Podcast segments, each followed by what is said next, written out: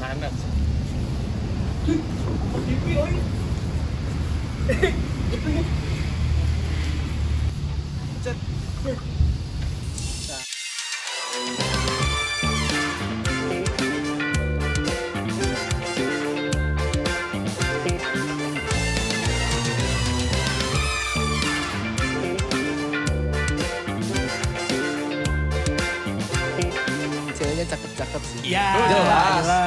Jelas. Jelas. Ya. Saya ada nih Kang yang baru.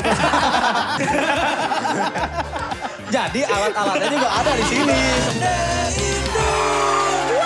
Halo guys semuanya, jadi kali ini kita ada di Kanako Coffee. Ya Banda Indung kali ini kita bakal syuting di sini dan juga bakal ngobrol-ngobrol. Tapi sebelumnya gue bakal ngasih tahu ke kalian kalau misalnya di Kanako Coffee ini itu emang tempatnya udah paling en enak banget untuk ngopi-ngopi dan bareng teman-teman semua gitu. Nggak hanya ada space untuk indoor yang bisa kebuka terus juga banyak kacanya dan yang pastinya itu tenang banget tempatnya tapi juga uh, area outdoornya juga. Yang di mana kalau misalnya kalian nongkrong bareng teman-teman terus sore-sore enjoy-enjoyan itu enak banget pokoknya. Karena memang uh, Kanoko Coffee ini ada punya tiga value utama yang dipegang. Yang pertama ada art itu seni, terus juga ada passion dan juga inner peace gitu. Jadi udah pasti ini tempatnya kalau misal kalian pengen nongkrong di sini tuh udah tenang banget ya. Tapi nggak cuman itu, eh Kanoko juga sering banget bikin event-event. Nah salah satunya kemarin nih yang udah sempet eh, dibikin sama anak-anak dari Kanoko, eh, Kanoko Coffee yaitu ada intimate session, terus juga ada mini pop-up market, terus juga ada mini attachment by kali kedua dan lain sebagainya. Tapi khusus nanti setelah lebaran Kanoko Coffee bakal ada satu event rutin di mana setiap hari eh, hari Minggu jam 7 pagi sampai jam 11 pagi bakal ada eh, fast breakfast dari warung Suren. Nah makanannya tuh banyak banget. Tapi yang udah pasti kalau misal makanannya dari warung Suren, minumnya dari Kanoko. Nah ini ada beberapa menu ya, dari Kanoko Coffee. Yang pertama ada eh, ini White Kanoko. Terus juga ada kopi pisang susu, ada milk eh, butterscotch dan juga milk eh, cream roll.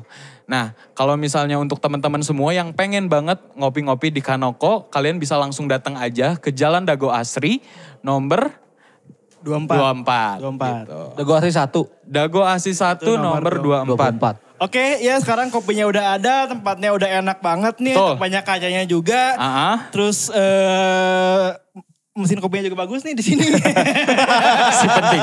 Mahal kayaknya nih mesin kopinya. Iya. Ya. Eh, kalau misalnya udah tempat outdoor gini sih enaknya pakai outfit yang cocok kali ya. Ih, Kan dingin gitu. Kalau datang Ya. ke sini tuh harus nyetel. nyetel dingin, Harus banyak gaya. daun-daun, banyak pohon-pohon gitu Iya. kan. Dan emang tempatnya tuh nggak cuman indoor doang, tapi outdoornya juga udah asik banget men. Nah, Kalau misalnya sore-sore, apa ya sebutannya JJS kali ya? JJS. JJS apa? Jalan-jalan sore. Ah, udah si kini banget. Si, si baru, Iya, si iya, baru, si si baru. baru itu kata. Si baru. Si baru. Si baru. Eh, apa ya sebut- Nongkrong lah ya. Nongkrong aja lah. kali ya, Nongkrong. Kan Sore-sore nongkrong yang pas tuh jam gitu. 4 sore kan sampai Iya, terus matahari, matahari gitu. Matahari kan. yang enak banget gitu Iya. kan. Ah, Nah tapi dah kalau misalnya gue nih mau pek, mau pakai baju yang cocok nih buat Yoi. ke sini gitu kan. Kira-kira apa sih baju yang, lo punya referensi gak sih baju yang Nah, cocok buat gue? kalau masalah baju yang kalau misalnya udah coffee shopnya udah keren gini, udah eh, udah outdoor, terus juga ada indoornya, itu udah udah pasti ini bajunya juga harus temanya adalah semi semi outdoor gitu. Bukan semi semi rangkir kali ya. Bukan dong, Bukan, bukan, bukan. dong, bukan dong. Bukan, Nanti bukan. lagu rindu.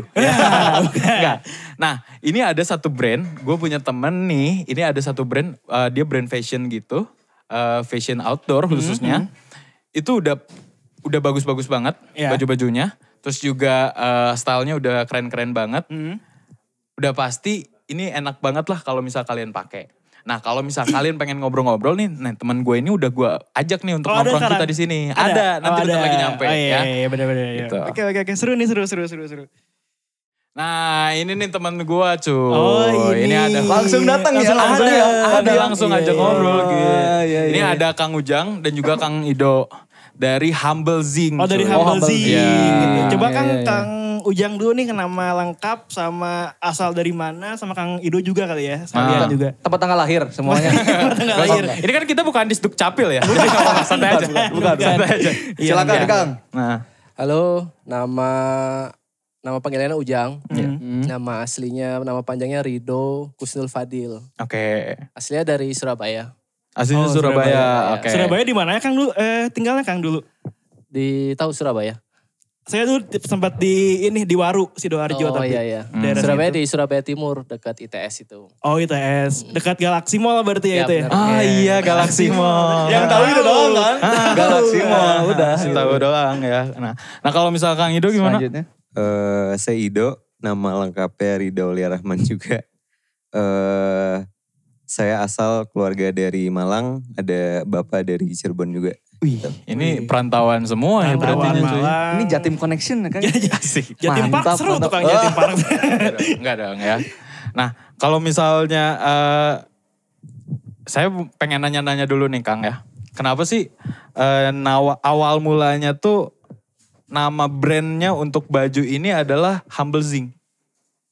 Namanya ya? Iya, kenapa Humble Humble Zing, Kang? Hmm, waktu itu kayak waktu itu pengen bikin baju yang murah waktu itu. Murah dalam artian kayak terjangkau. Jadi waktu itu kan Mhm. emang saya ngerantau dari Surabaya ke Bandung, Mhm. terus eh, masih kuliah jadi kan eh, nggak bisa menjangkau pakaian-pakaian yang mahal akhirnya. Ya.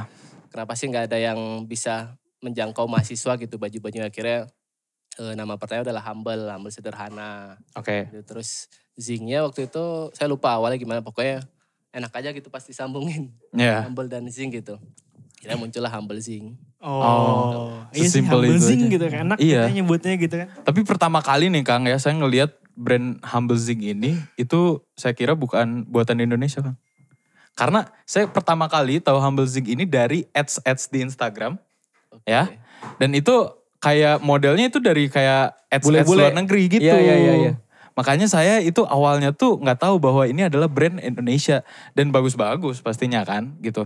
Dan kenapa bikinnya tuh awalnya tuh brandnya adalah fashion untuk outdoor gitu sih Kang nggak kayak kaos, Kaos gitu, gitu, atau misal clothingan-clothingan kayak yang lain gitu. Kenapa harus eh, Adventure wear kali Iya, ya. adventure wear ya. Atau sebutannya. sebutannya apa sih Humble Zing ini tuh? Kita nyebutnya sih modern adventure wear. Oke. Ada juga yang sekarang lagi rame sih keywordnya modern outdoor kayak gitu. Hmm. gitu. Mm. Oh tadi nanya iya, alasan ya kenapa dan- dan- bikin Kenapa bikin eh apa tadi modern Adventure wear. outdoor wear itu? waktu itu waktu zaman kuliah sih emang kebetulan kuliahnya di metalurgi jadi deket sama pertambangan Oke. dan anak-anaknya kan suka di lapangan kan karena emang kerjanya bakal semi-semi outdoor Oh iya iya. jadi kegiatan waktu libur tuh kita suka ke gunung Oke. terus akhirnya ya kebutuhan akan pakaian gunung mulai ada gitu cuma nyari-nyari di Trunojoyo distro- distro-distro gitu Iya. Nggak ada gitu yang ngejual kayak waktu itu sebutannya jaketnya jaket parka kan Oh iya. Ada jualnya eh, hoodie-hoodie aja. Terus kebetulan waktu itu lupa ada yang ngasih tahu coba main ke Gede Bage gitu. Nah, Lihatlah ada namanya jaket-jaket parka gitu dari sana. Kenapa nggak ada yang bikin gitu di Bandung si jaket-jaket parka ini gitu. Banyaknya antara jaket gunung banget atau enggak ya jaket casual hoodie-hoodie aja gitu. hmm, Ya kita nyobain lah eh, bikin parkanya. Oke. Yang pertama kali gitu ya. Karena Iya. waktu dulu tuh sempet eh, Akang ini suka thrifting banget ya anaknya. Iya suka. Dulu belum sebelum Humble Sing emang eh, ya kayak beli di Gede Bage dijual lagi. Oke oke oke oke. Itu emang Uniqlo belum ada jadi kayak Iya. eh, thrifting Uniqlo tuh jadi mahal banget. Iya benar. Hmm. Hmm, Emang emang kalau misalnya Humble Zing ini dari tahun berapa sih Kang? Eh establishnya beneran saya fokus sih di 2015 beres kuliah. Iya. Cuman waktu awal ada mulai awal mulai dari pre-order tuh di 2012. Duh 2012. Oh, 2012. Tingkat dua tingkat tiga kayak kuliah. Oke oke oke oke oke. Dulu kayaknya kalau di Surabaya itu di pasar turi ya Kang ya belanja yang gitu-gitu tuh ya. Tugu Pahlawan. Tugu Tugu Pahlawan juga ya. Pahlawan. Tugu Pahlawan. Ada. Si tahu tuh. Barang-barang murah Surabaya saya tahu. si tahu tuh ya.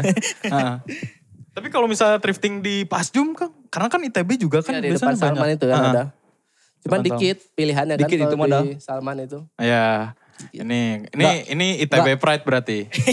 Nah, Kang Ido juga dari eh, ITB Kang. Eh, saya Unpar. Unpar. Oh Unpar. Cocok. Ya, nggak ada Nyambung teman. lagi nih ngobrolnya Iya, nggak nih. Kan tadi udah Surabaya udah, Unpar udah. Di apa Kang dulu jurusannya? Eh, saya dulu ambil manajemen. Oh ekonomi. Iya. Oh. Wah, nyambung nggak lah. beda. Enggak, enggak beda. Iya. beda fakultas. Bisa disambung-sambungin sih tadi. Beda, beda. Anak jurusannya sama lah. Oh iya bener-bener. Waktu itu yang eh, diriin Humble Sing tuh Kang Ujang sendiri. Iya sendirian. Jadi waktu kuliah kan nyari ya nyari teman juga sih yang siapa membantuin cuman di kampus nggak ada. Maksudnya di jurusanku gitu. Metalurgi terus pada kalau luang pada ke lab atau ke sekre gitu. Akhirnya saya lebih banyak main ke anak-anak SR gitu. Cuman Oh, belum dijadiin partner bisnis cuman kayak ngebantuin foto waktu itu. Oh. Anak-anak LFM. Oh, Sempet main sama anak SBM juga gak buat apa namanya patungan di tenan gitu ya. waktu itu belum bisa ke terlalu mahal gitu kalau kita buka booth sendirian akhirnya deketin anak SPM buat patungan satu booth dua brand kayak gitu gitu. Oh, merger gitu bareng-bareng berarti Iya. kan. Oh. Nah emang awal mulanya nih Kang, kalau misal boleh spill dikit gitu. Modal awalnya akan ngebangun ini tuh berapa sih? Mod- modal niat sih kayaknya. Modal niat. Modal niat, modalnya Waduh. tempat dan Mod- nekat. modal niat 2000 berapa 2010 mungkin ya. langsung PO 2012 gitu ya langsung ya. iya, ya, karena karena kan sekarang Humble Zing tuh udah wah Udah gede udah, banget. udah gede Udah lah gede gitu. banget. Dan ya itu, gue awalnya tuh tahu ini adalah brand luar gitu. Iya, iya. Gitu. Brand Jadi- luar. Eh, berarti kan tadi pas mau bikin Humble Zing itu kan banyak kayak kenalan orang kenalan sama orang orang baru gitu kan di ITB-nya gitu. Nah, hal eh, pas ngebangun Humble Zing tuh ada gak sih hal yang paling aduh bikin sakit gitu kayak aduh bikin bisnis tuh kayak gini-gini banget gitu usahanya. Ada gak sih Kang momen-momen yang momen-momen yang bikin sakit hati gitu pas bangun Humble Zing tuh? Ada jadi waktu baru lulus gitu. Kok kok nggak kaya kaya ya bikin. Sudah biasa, sering terjadi. Nggak, nggak. Hai, Maksudnya hai. kayak kan ekspektasinya waktu jurusanku kan hitungannya eh, Gede jurusan ya? lapangan tuh Iya. lulus kan pasti rata-rata pada di atas 10 gitu. Langsung Ah. double digit gitu. Sedangkan waktu saya lulus kan masih ngerintis gitu. Sengaja waktu itu emang kayak biar nggak disuruh kerja kayak sengaja nge-hire orang, Hmm. eh, ngontrak kantor biar waktu orang tua datang ke sini kayak nggak bisa ditinggalin gitu. Iya. Tapi sebenarnya juga nggak ada duitnya juga waktu itu. Belum ada duitnya gitu. Tapi Jadi kalau emang- sekarang gak usah ditanya kan. usah ditanya. Gak usah Amin, ditanya. amin. Iklannya di mana-mana sekarang tuh. Iya. ya, di Setiap tiap lihat story story, ah Humble Sing lagi, Humble Sing lagi. Kan udah di follow kemarin kata gue kan gitu kan. Ya. itu berarti belum beli, harus beli. Iya belum beli, bener. Nah, Kang Ujang ketemu Kang Ido tuh di mana dulu?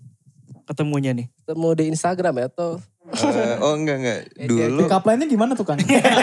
Baper nggak oh nih beda, dulu? beda ya, beda, beda. Oh, gue inget, gue inget. Eh, dulu 2012, Ujang pas zaman PO-PO itu, Hmm. saya juga ada sepupu di ITB juga, eh, bikin brand. Hmm. Kan emang dulu tuh WV banyak banget startup-startup seumuran eh, gue sama Ujang, eh, bikin-bikin apa dari leather dan segala macem. Ketemulah kita dari brand-brandan itu oleh Hmm. ngobrol dari anak SR juga ketemu-ketemu ngobrol ketemu di event eh ya udah ngobrol nyambung follow-followan Eh ketemu lagi tahun 2019 18 19 Hmm. ketemu lagi udah terus mulai kerja bareng di 2019 2019. Oh, berarti Baru dua tahunan lah dua ya. tahun ya Iya. bareng Iya, ya. hampir mau dua Tapi tahun. perjalanannya udah lumayan panjang. Iya, Ya, karena emang kenalnya dari juga. Ah, kenalnya awal Karena udah pas 2020. mulai juga sih sama-sama Hmm. mulai gitu Nah, nah kalau misalnya kalau kita ngomongin nih buat awal-awal ngerintis banget ya.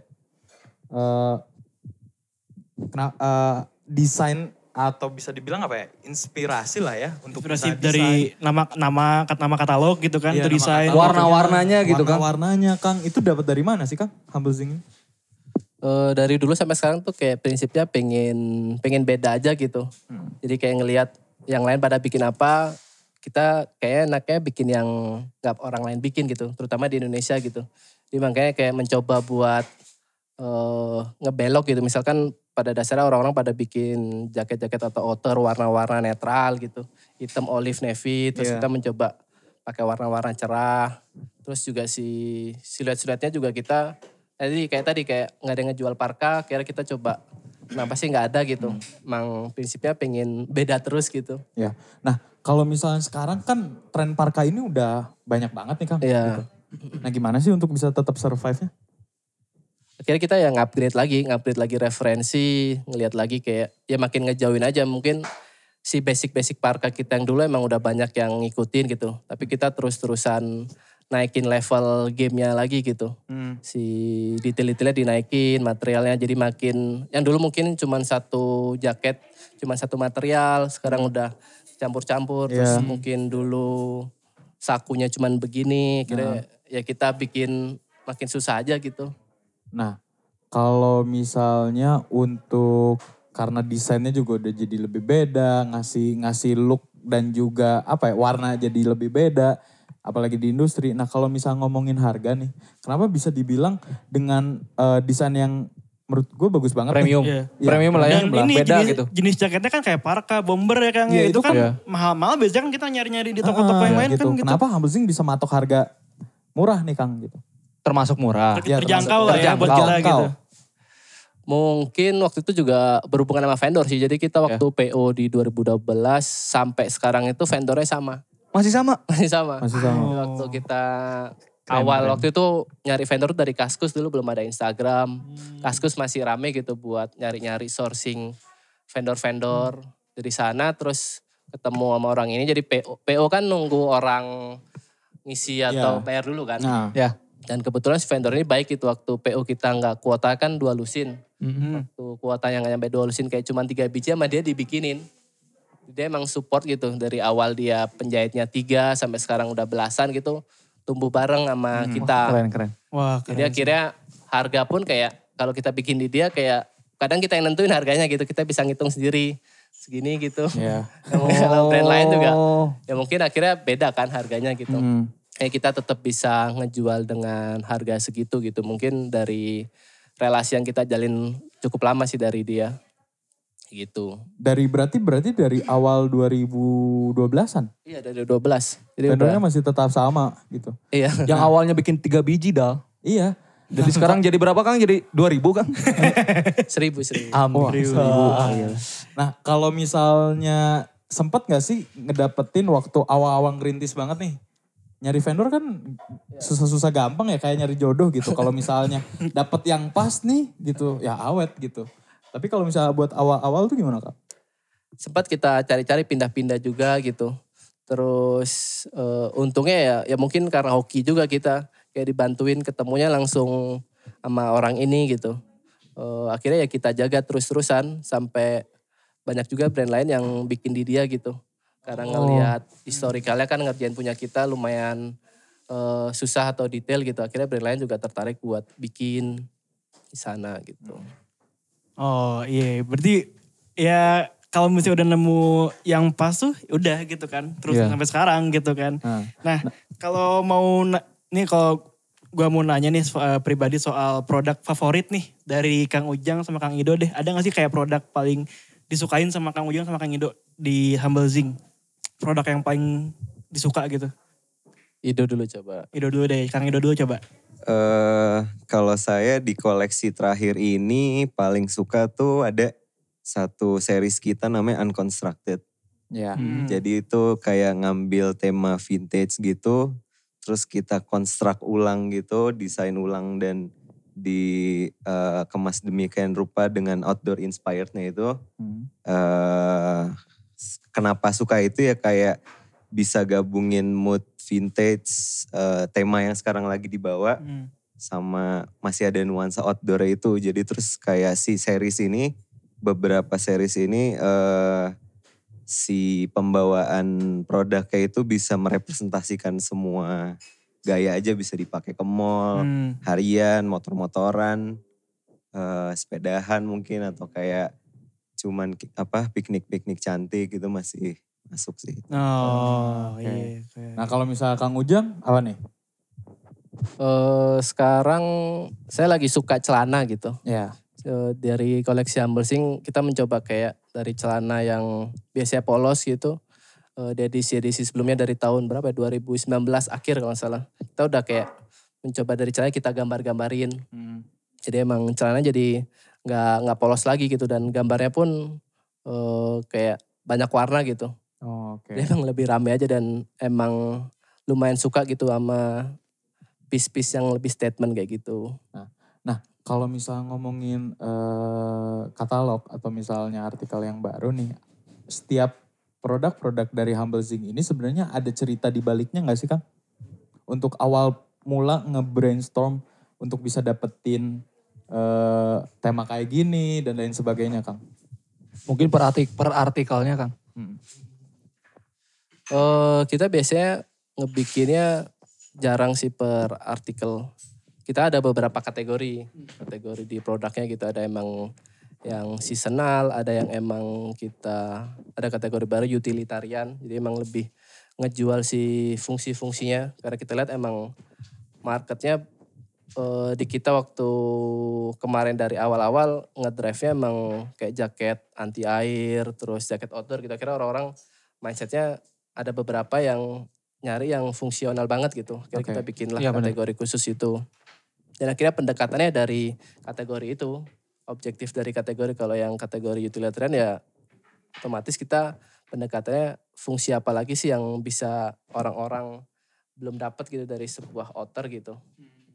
Terus kalau ada kategori yang seasonal, jadi emang itu emang dibikin versi kita pengen berekspresi aja. Hmm. Kayak yang seri Unconstructed tuh emang pengen beda aja gitu si seri itu gitu. Jadi emang berkreasi seaneh mungkin, sebeda mungkin, biar jadi stand out aja gitu di pasar. Oh gitu. Ah, gila sih. Ini udah, gila. udah dalam banget Udah ya. dalam gitu. banget nih. Gue sedikit kepo nih Jen gitu. Bisa diminum kan nih? Iya, iya, sikat, sikat, sikat, bisa. sikat Kang. Gitu. Kalau Iya, bulan bener, puasa bener, belum bener. bisa nih. Iya.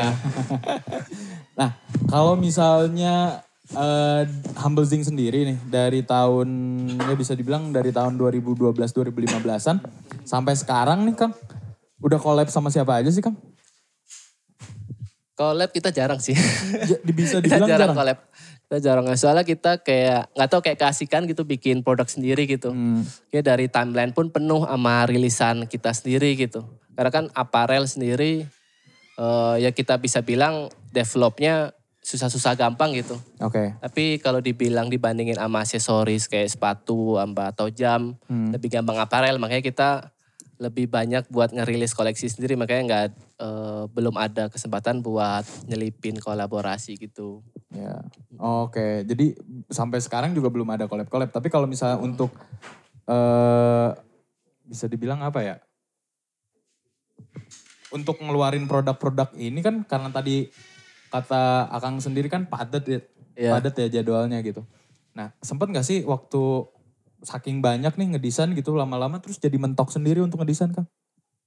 Aduh, bikin apa lagi ya? Nggak ada inspirasi gitu. Ah, ah, gitu. Ngestak gak sih? gitu. Malah seringnya kita kayak bingung yang ini dirilisnya kapan gitu. Oh. Nah, karena antri gitu. Ah. karena antri.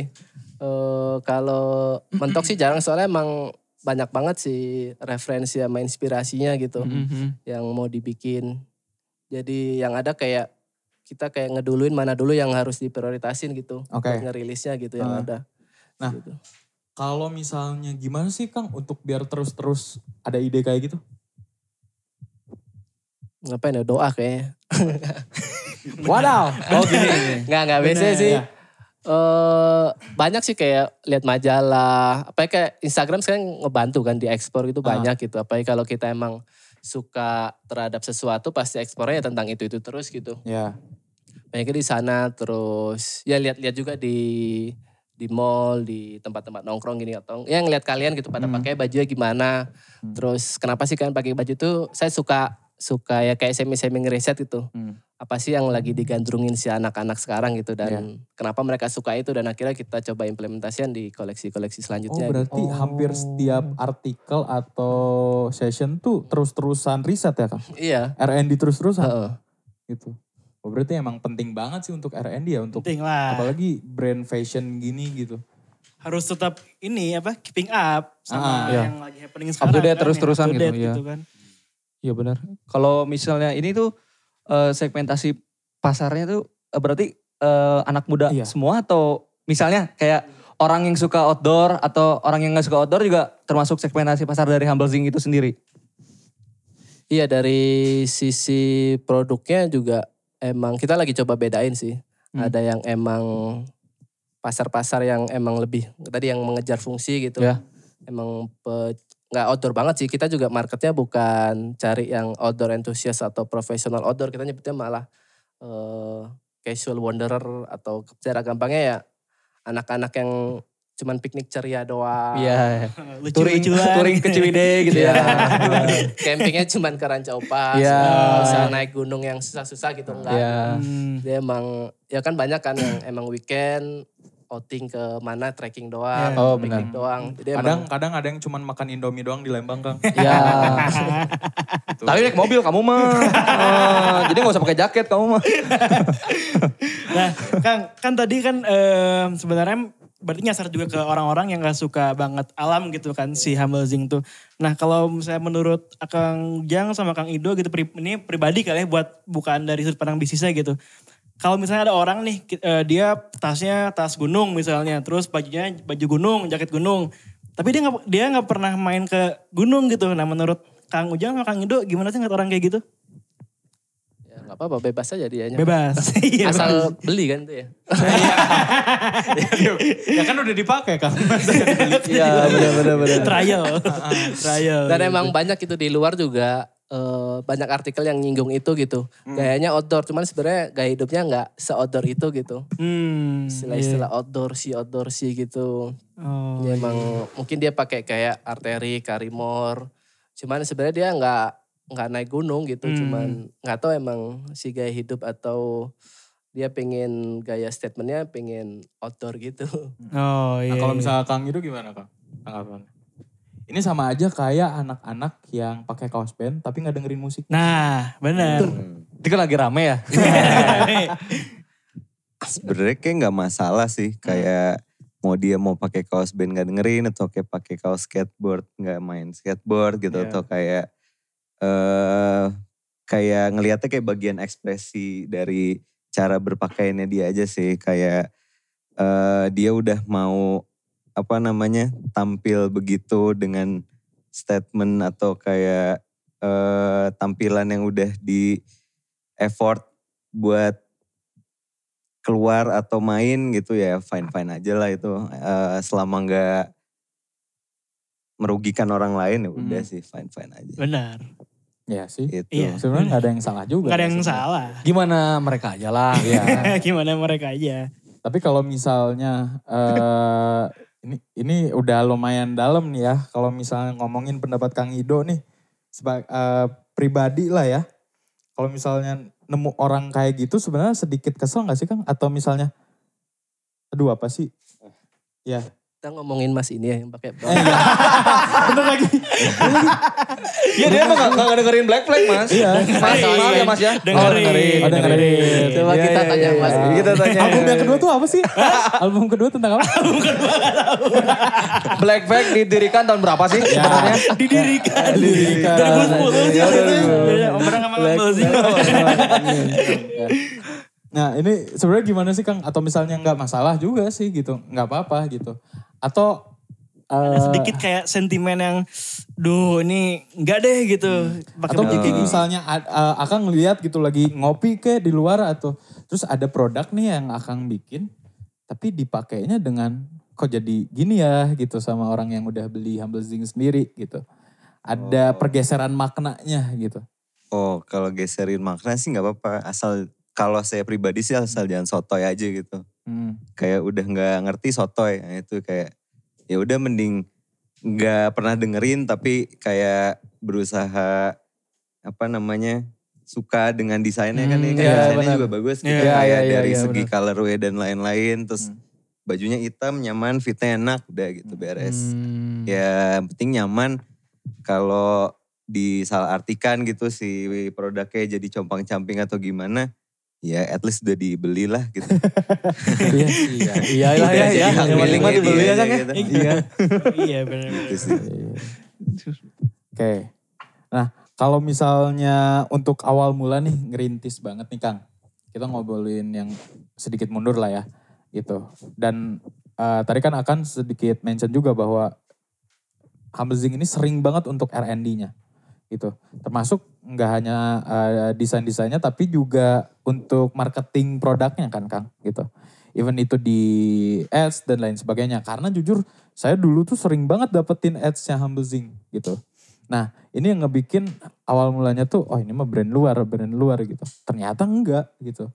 Nah kenapa sih Kang bisa bikin se sekeren itulah kalau misalnya saya saya pribadi bilang ya gitu karena anggapannya tuh ini bukan kayak eh, mungkin bisa dibilang produk lokal yang nggak kelihatan lokal Hmm. gitu loh jadi tetap berkelas gitu loh nah itu gimana sih awal bu- awal mula untuk eh, nge-brainstorm atau apa ya bisa di- Branding.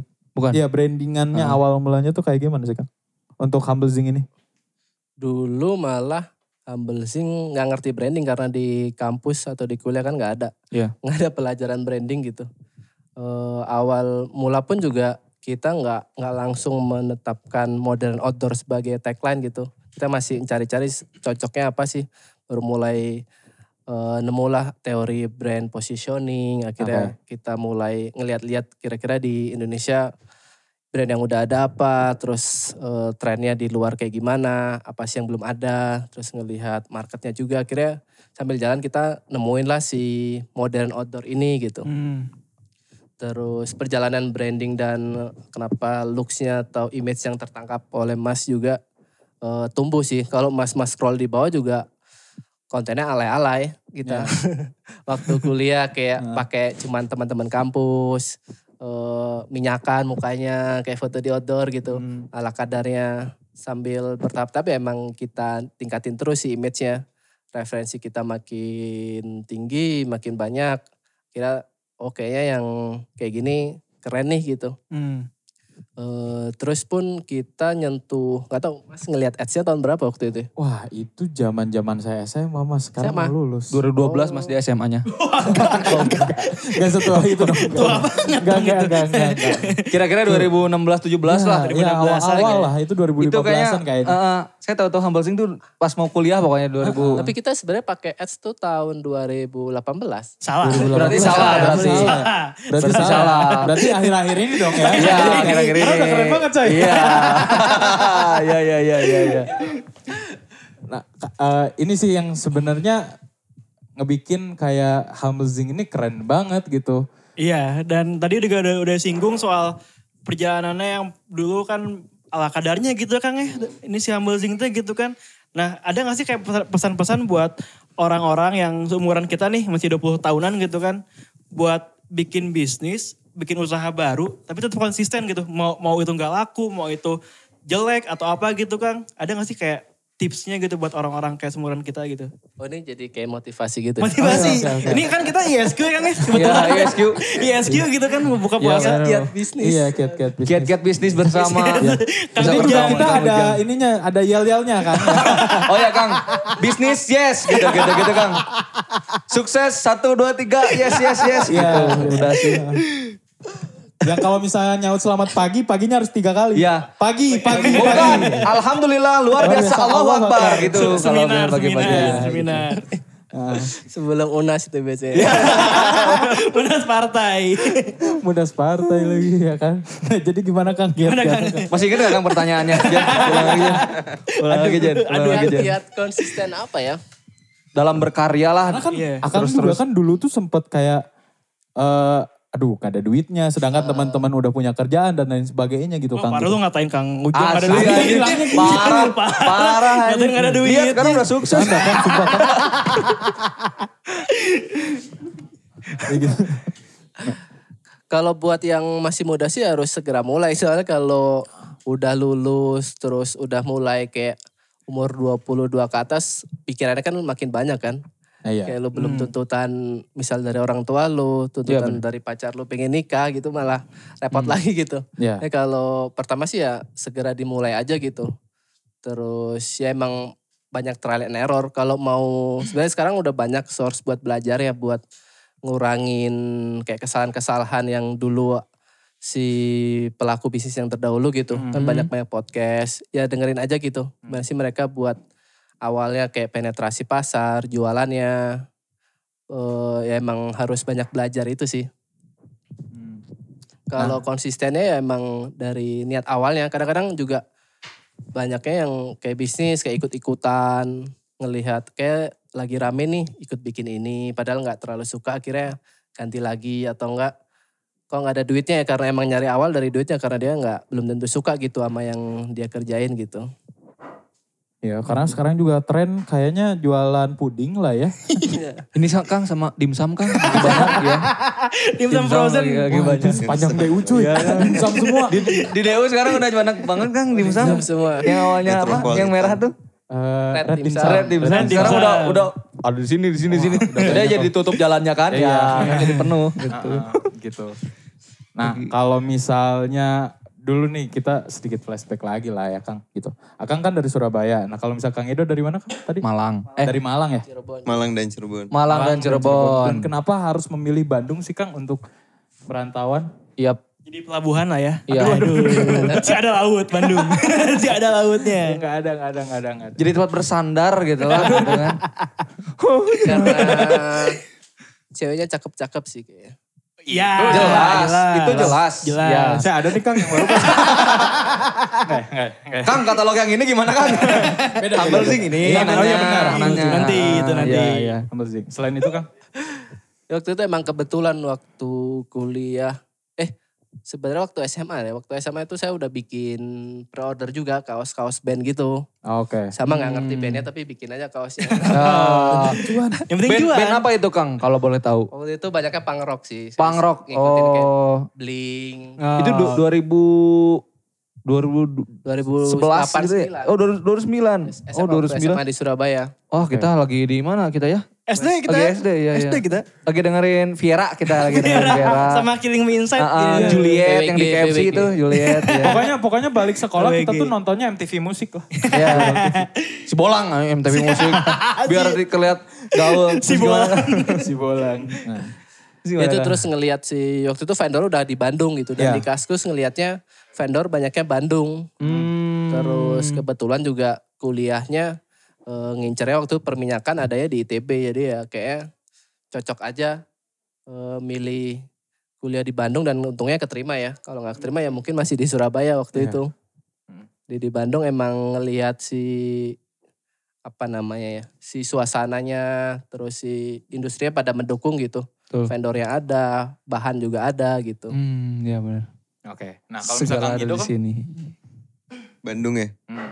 eh sesimpel saya orangnya gerahan. Terus Hmm. kayak kalau tinggal di daerah yang panas tuh kurang betah aja gitu. Kayak pasti akan di rumah terus. Kayak dulu juga SMA saya kan Cirebon. Beneran di rumah terus aja. Iya. Karena emang gerahan setiap keluar gerahan udah ganti baju. Kayak Hmm. di sini jam-jam siang gini Hmm. pakai long sleeve masih nyaman aja gitu. Jadi kayak suasananya cocok. Jadi kayak untuk berkegiatan atau kayak mem- menjalani sesuatu tuh akan lebih mudah aja kalau si environmentalnya nyaman gitu buat Iya. kita gitu. sih. Hmm. Jadi itu itu awal mulanya kenapa milih Bandung gitu. Heeh, Karena Bandung panas. Iya. Di sana gitu. Ah, Untuk, untuk melanjutkan studi sih kan. waktu itu. Oke. Hmm. ya.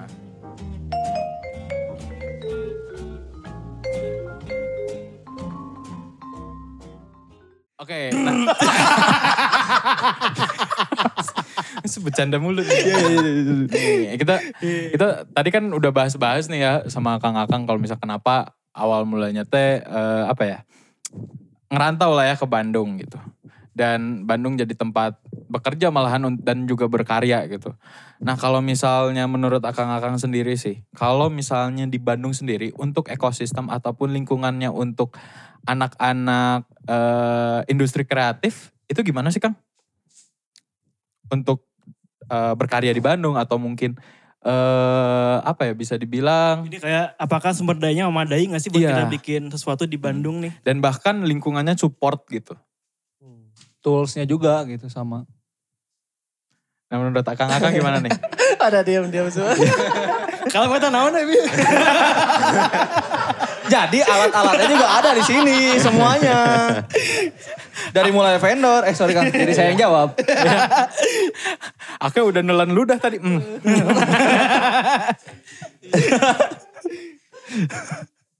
Gimana Kang? Ayo Kang jawab Kang. Oh, Kang lo gimana? Cukup saya yang diem di sini Kang. Baik Kang, jawab.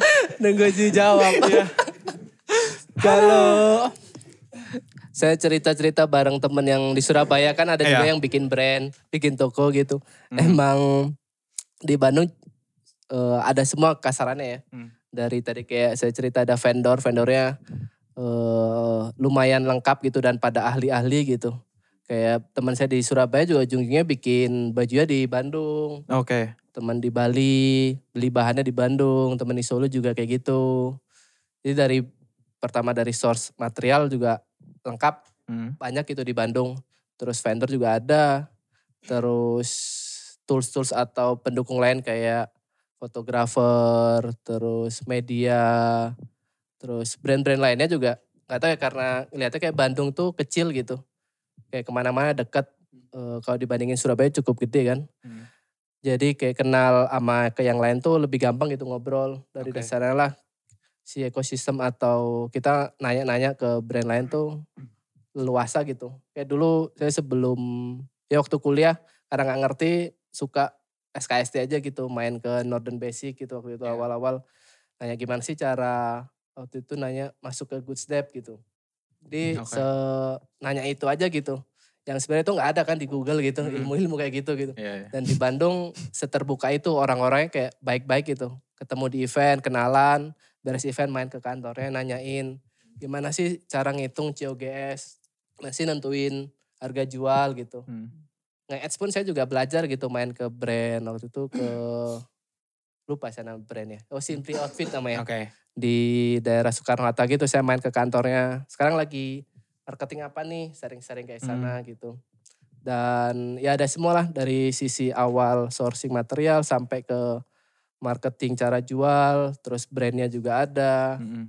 Terus kayak ada Banda Indung ini kan juga salah satu apa namanya bukti kalau industri kreatif di Bandung beneran eh, saling ngejagain gitu, Iya. saling numbuhin gitu semuanya ada gitu. Berarti buat ukuran Kang Ujang sebagai orang dari luar Bandung tuh di pas masuk Bandung tuh udah jadi namanya gampang-gampang fit innya gak sih Kang ya? Berarti ya kalau sama orang-orangnya, orang-orang di Bandung tuh gampang blending lah gitu.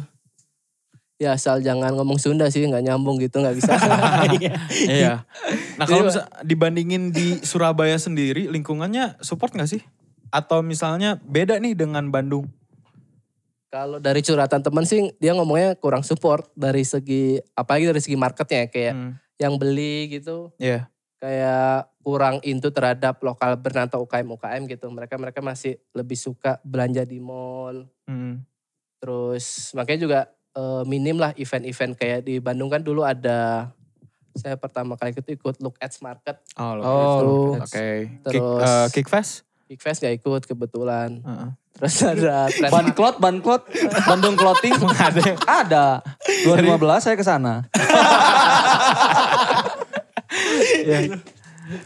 ada apa namanya yang di TSM teh trademark Market. Trademark, ya, ya. itu sering gitu terus di terus kan kebetulan Bandung juga deket kan sama Jakarta. Mm. jadi kayak ikut yang Bright Spot Wall of Fate gitu Hmm. lebih terjangkau dan lebih fleksibel gitu dibanding dari Surabaya kan lumayan jauh kan Hmm. Yus. dari segi marketnya juga cukup mendukung lah meskipun ya kayak orang-orang bilang di Bandung emang rada price sensitif ya orang-orangnya terus ada selentingan kayak ngelihat barang bagus mereka mindsetnya mending bikin aja gitu karena di sini source-nya ada gitu Oh, oke oke oke oke. Eh, eh, mungkin nggak beli gitu cuman mereka oh ini mah bisa bikin sendiri gitu mereka kenal source-nya atau vendornya gitu cuman mostly sih lebih support gitu kalau dibandingkan Surabaya gitu Hmm, oke oke oke. Nah kalau misalnya di Malang sendiri gimana Kang? Eh, Cirebon sih. Cirebon, Oh, iya, Cirebon. di Saya Cirebon, born and di sana. Mm.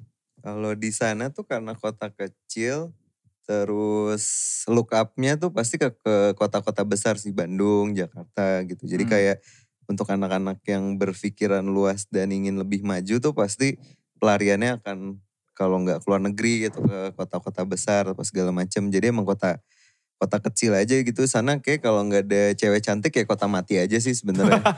Kebetulan banyak harta karunnya di sana. gitu. Jadi kayak yang bikin betah Oh. salah satu itu gitu. Boleh Jadi- minta nomornya? Iya. Balik nomor, lagi. nomor, nomor, Nomor, nomor lagi, nomor, nomor. Nomor aja.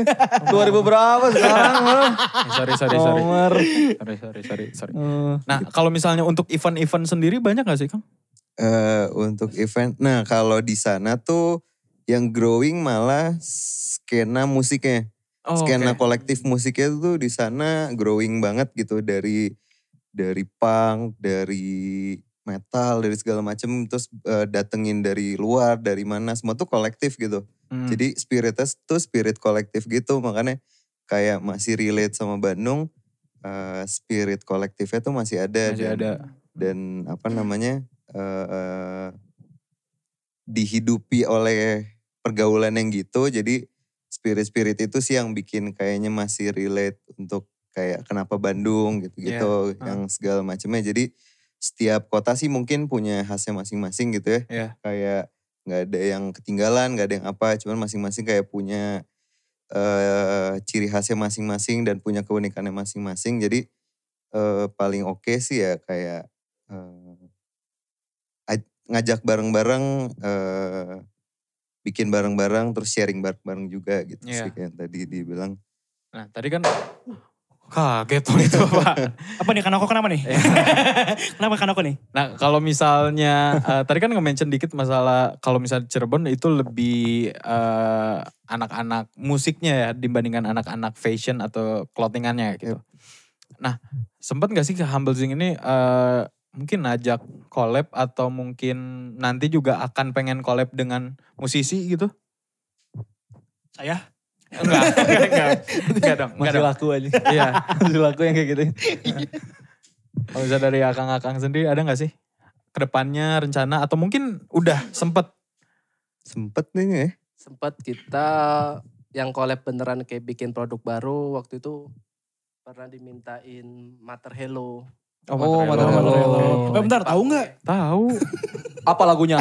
Lagunya tahu yang sama Nadine juga pernah nyanyi. Oh iya iya. Ya benar-benar. Benar, benar, benar, Sedikit Kang boleh Karena saya anak indie bro. Iya iya iya. iya. Bro, anak indie pakai Humble Zing. Nah, masuk. Kang saya satu ya jaket. Ah, iya, iya, iya. Minta, Minta. minta.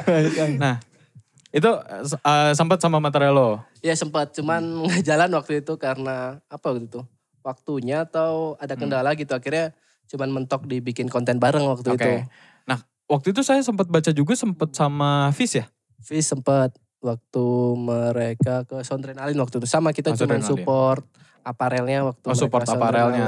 Ke Bali waktu itu ya. Oke. Itu Eh, sama ini juga ya. Trimas Ketir. Nyetir. Trimas nyetir. Trimas nyetir. Trimas nyetir. Trimas Nyetir. Trimas nyetir ya. Itu eh, acaranya ngapain sih kan Trimas nyetir, Trimas nyetir tuh waktu itu? Gak tahu ya, saya gak ikut touring ya waktu itu. iya sih juga. ya. Dalam bentuk sponsor aja atau gimana Kang itu Lupa Kang? saya.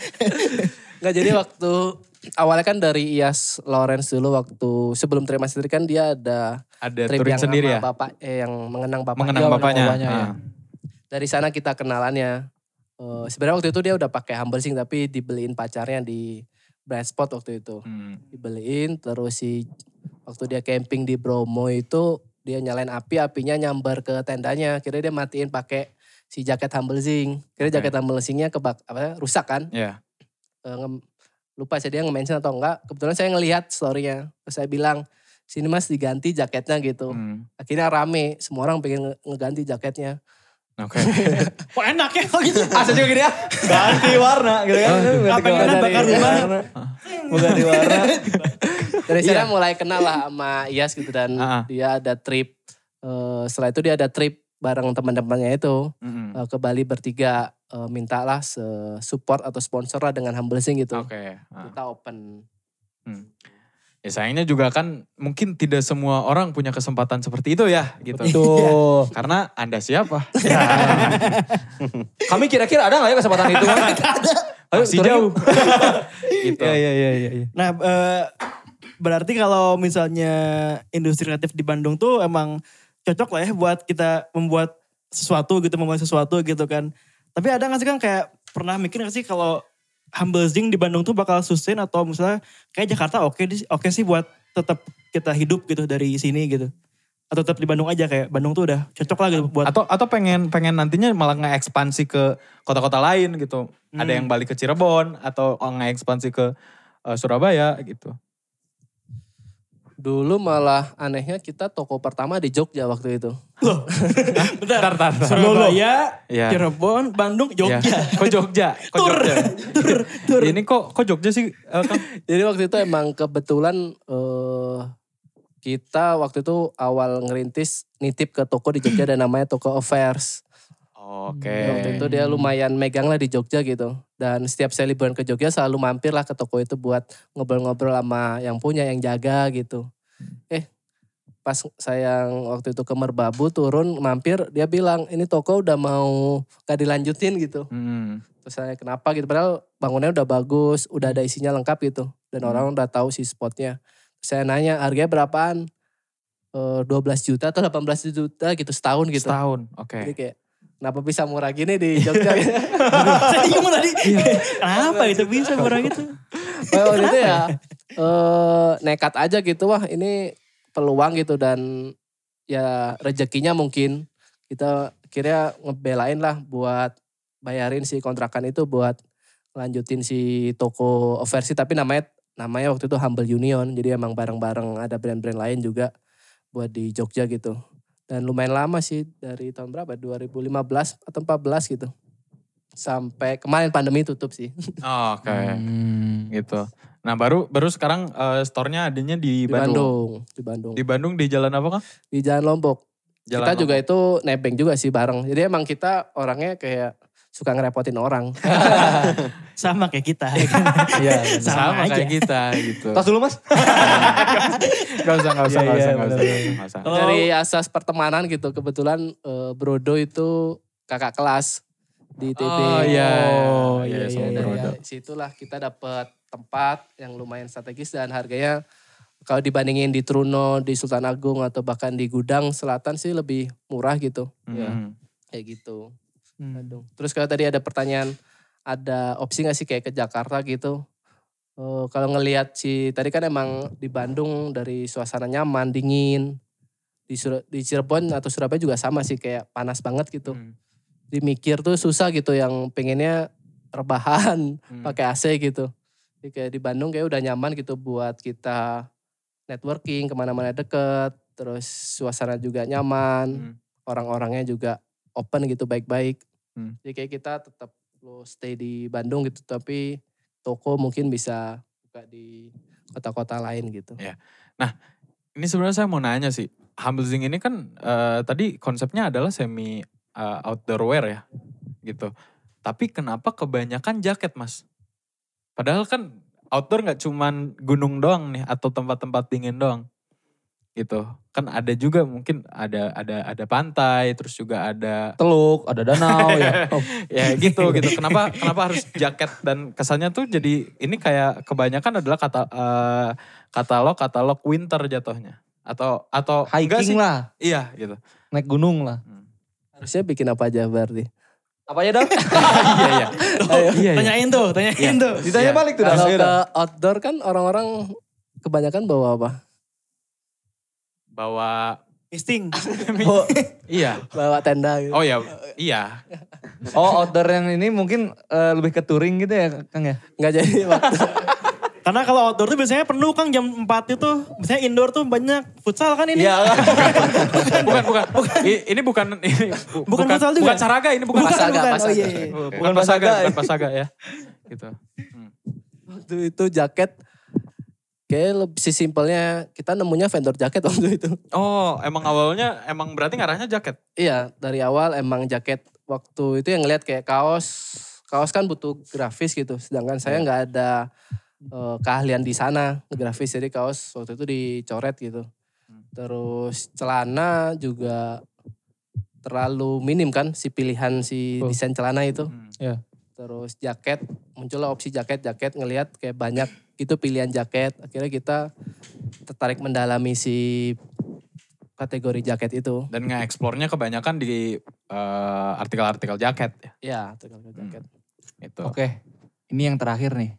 Apa harapan dari Kang Ujang sama Kang Ido tentang Banda Indung ini? Terhadap ap- Banda Indung kali ya. Ah, ah, Terhadap Banda Indung. Dan Banda juga Indung visi kita yang kita bawain untuk Ah, ah. kolaborasi dengan brand-brand lokal khususnya di industri kreatif Bandung nih Kang. Tapi Banda Indung itu apa ya? Banda Indung ini sebenarnya katanya dari Bandung. karena Bandung ini itu eh, diambil katanya dari Banda Indung Heeh. gitu. Hmm. Gitu Kang. Ada gimana? Di, di tes terus loh, Dang. Kayaknya mau dikasih jaket asli.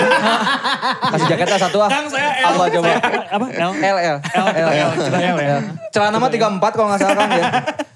Takutnya nanti dua kali lagi saya ngejawab dapat sepeda. Bukan. gitu. Harapannya kayak eh, dengan adanya apa ya kayak wadah kayak gini tuh apa sih harapannya Humble Zing ke depannya buat industri kreatif di Bandung gitu? Coba itu. Ya mungkin Ya, ya, nanti Kang Ido juga sama Kang Ujang. Kang Ido dulu boleh, boleh. Ya.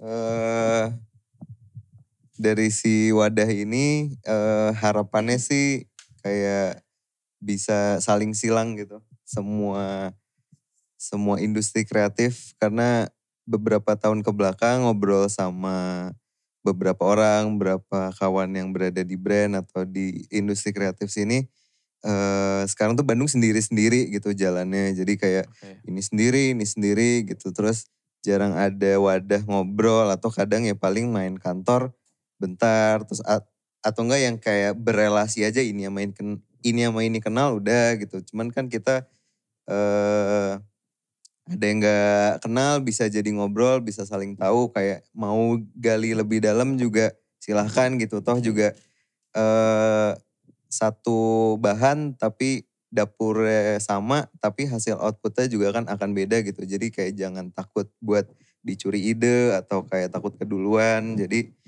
eh kompetisi seru tapi ya jangan sikut-sikutan juga gitu. Jadi wadah ini ya kayak bisa jadi growing bareng-bareng. Yang tua sama yang muda juga bisa eh, apa sharing lebih dalam, ngasih ngasih apa ya ngasih leg- legacy ke yang lebih muda ayo gitu. Terus juga si apa namanya si anak-anak yang masih seumurannya juga bikin sesuatu yang lebih gila gitu yang nakal-nakal lagi yang liar yang bikin Bandung kayak lebih seru lagi jadi jadi tempat buat orang singgah dan main untuk apa ya menghabiskan akhir pekan atau liburan di sini gitu karena ada aktivasi atau acara-acara yang lebih seru. Mungkin setelah pandemi sih harapannya juga akan lebih banyak acara gini. Terus nanti juga selain gini kan ini kita kayak masih intimate aja. Bisa Ya. yang lebih gimana lagi lagi ya? gitu. Ah, yang kayak Kayak sem- seminar tadi kali ya, yang tadi seminar yang kita ISQ, mau- ISQ, ISQ kali iya, ya. iya, iya. Segede gitu kali ya nanti. Yang udah ya. penonton, selamat malam Pak Laser Bini gitu kan. ya. Nah, ya, lanjut, Kang. Ntar bayangkan orang tua gitu Ya, Bendera kuning. Iya, bendera kuning. pulang ke rumah Iya. Ya, dilanjut terus- ya. nah, emang emang sebenarnya untuk sekarang-sekarang nih Kang, menurut Kang Ido sendiri, kalau industri kreatif di Bandung sendiri itu emang sesendiri-sendiri itu kah? Atau sebenarnya emang ada Mancing gosip dia. ya ketebak lagi ya. Eh, Gitu. Brownies nih kayak brownies. Enggak, enggak, enggak, enggak, enggak. Gitu. Atau atau memang sebenarnya kayak emang ini udah kayaknya udah emang udah waktunya regenerasi aja nih Kang gitu. Iya mungkin kayak ada wave itunya sih. Jadi mungkin dulu kita tuh pas masih awal-awal di Bandung Hmm. atau yang mulai studi mau kuliah atau segala macam kan mainnya ke distro mas-mas yang sudah beredar di industrinya lah ya. Kita kayak masih ngeliat nilik-nilik nyari inspirasi segala Iya. macam. Cuman kan kita nggak ada wadah atau kayak kesempatan buat ngobrol mas gitu. Iya. Kayak eh mas, mas gini-gini. Terus kalau sekarang kan mungkin lebih open eh, orang terus media sosial juga kayak jadi wadah buat kenalan tuh orang juga open-open aja gitu nggak yang takut kan untuk Hmm. untuk sharing di sana terus sampai sekarang ada sahabat pena lah yang kayak cuman kenal di Instagram Iya. tapi ketemu langsung belum tapi udah udah dalam gitu si obrolannya mungkin kayak keterbatasan dari si teknologinya juga mungkin ada yang eh, batasin si hubungan itu jadi mungkin kayak kalau hubungannya lebih organik lagi sama lebih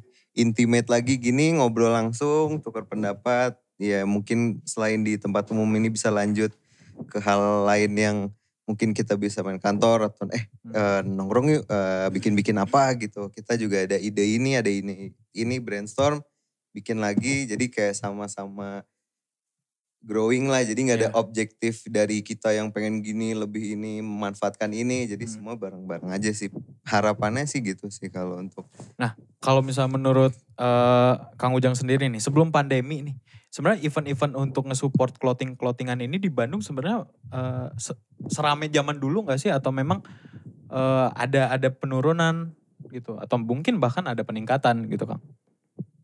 Eh, tadi kalau event yang disebutin kan sebenarnya udah nggak ada gitu. Iya. Yang look ads sama trademark udah nggak ada. Jadi waktu itu emang sempet ada obrolan dari beberapa brand gitu kalau mau ngidupin lagi si skena atau event buat ngedukung si UKM-UKM di terutama di fashion dan F&B waktu itu ya. Oh iya, buat fashion dan event. Cuman waktu di 2019 itu udah sering ketemu ngebahas eh 2020 kena pandemi akhirnya hilang lagi si animo atau semangat Iya. bikin acaranya itu. Dan mungkin harapannya ke depannya setelah pandemi ini kita lewat, ini udah ada lagi ya Kang ya gitu. Iya, katanya sih bulan depan beres ya. Kayak bulan puasa. Amin, ya rabbal alamin. Ntar lihat, Ya. lihat- ini lihat, lihat hilal ntar. Oh, oh iya, iya, iya. lihat hilal. Gitu. Aduh. Tapi kalau misalnya selama pandemi ini secara, sorry ya Kang, eh, secara eh, penjualan Mm-mm. di Humble Zing naik atau turun Kang? Atau stabil? Kenapa minta maaf nanyain revenue gitu? Ah, enggak, Tahu enggak. ya. Maksudnya kayak gimana ya? Ya, sebenarnya enggak. Kok bingung saya nanya gimana ya? Bentar, bentar, bentar. Sebenarnya harusnya nggak nggak tabu kita coba buat sharing-sharing nanyain revenue terus Hmm. omset. Yo. Itu malah saya coba oh, kalau nanya-nanya ke brand lain juga mencoba buat seterbuka itu gitu. Oke. Kita buat sharing-sharing gitu. Dan tadi menjawab pertanyaannya kebetulan alhamdulillah waktu pandemi naik karena orang-orang ternyata pada belanja online-nya makin tinggi gitu. Iya, benar. Oh iya. Oh berarti eh, online-nya yang lebih tinggi daripada di store-nya Kang? Iya dari awal emang kita fokusnya di online. Oh di online? Iya. Ya. Gitu. Hmm. Mungkin kayak gitu aja kali ya hari ini. Eh mungkin ada yang mau ditanya lagi? Udah sih. Udah sih kalau dari gua ya. Iya. Oke guys, terima kasih yang sudah menonton ya Dal ya. Yes. Eh, Dan- episode ini gimana Dal? Emang harus dioper kayak gitu guys. Tapi thank you banget yang udah nonton. Jangan lupa komen, subscribe, dan juga nyalain lonceng eh, notifikasinya di YouTube kita Banda Indung. Sampai ketemu di episode eh, depan. Dah. Dadah.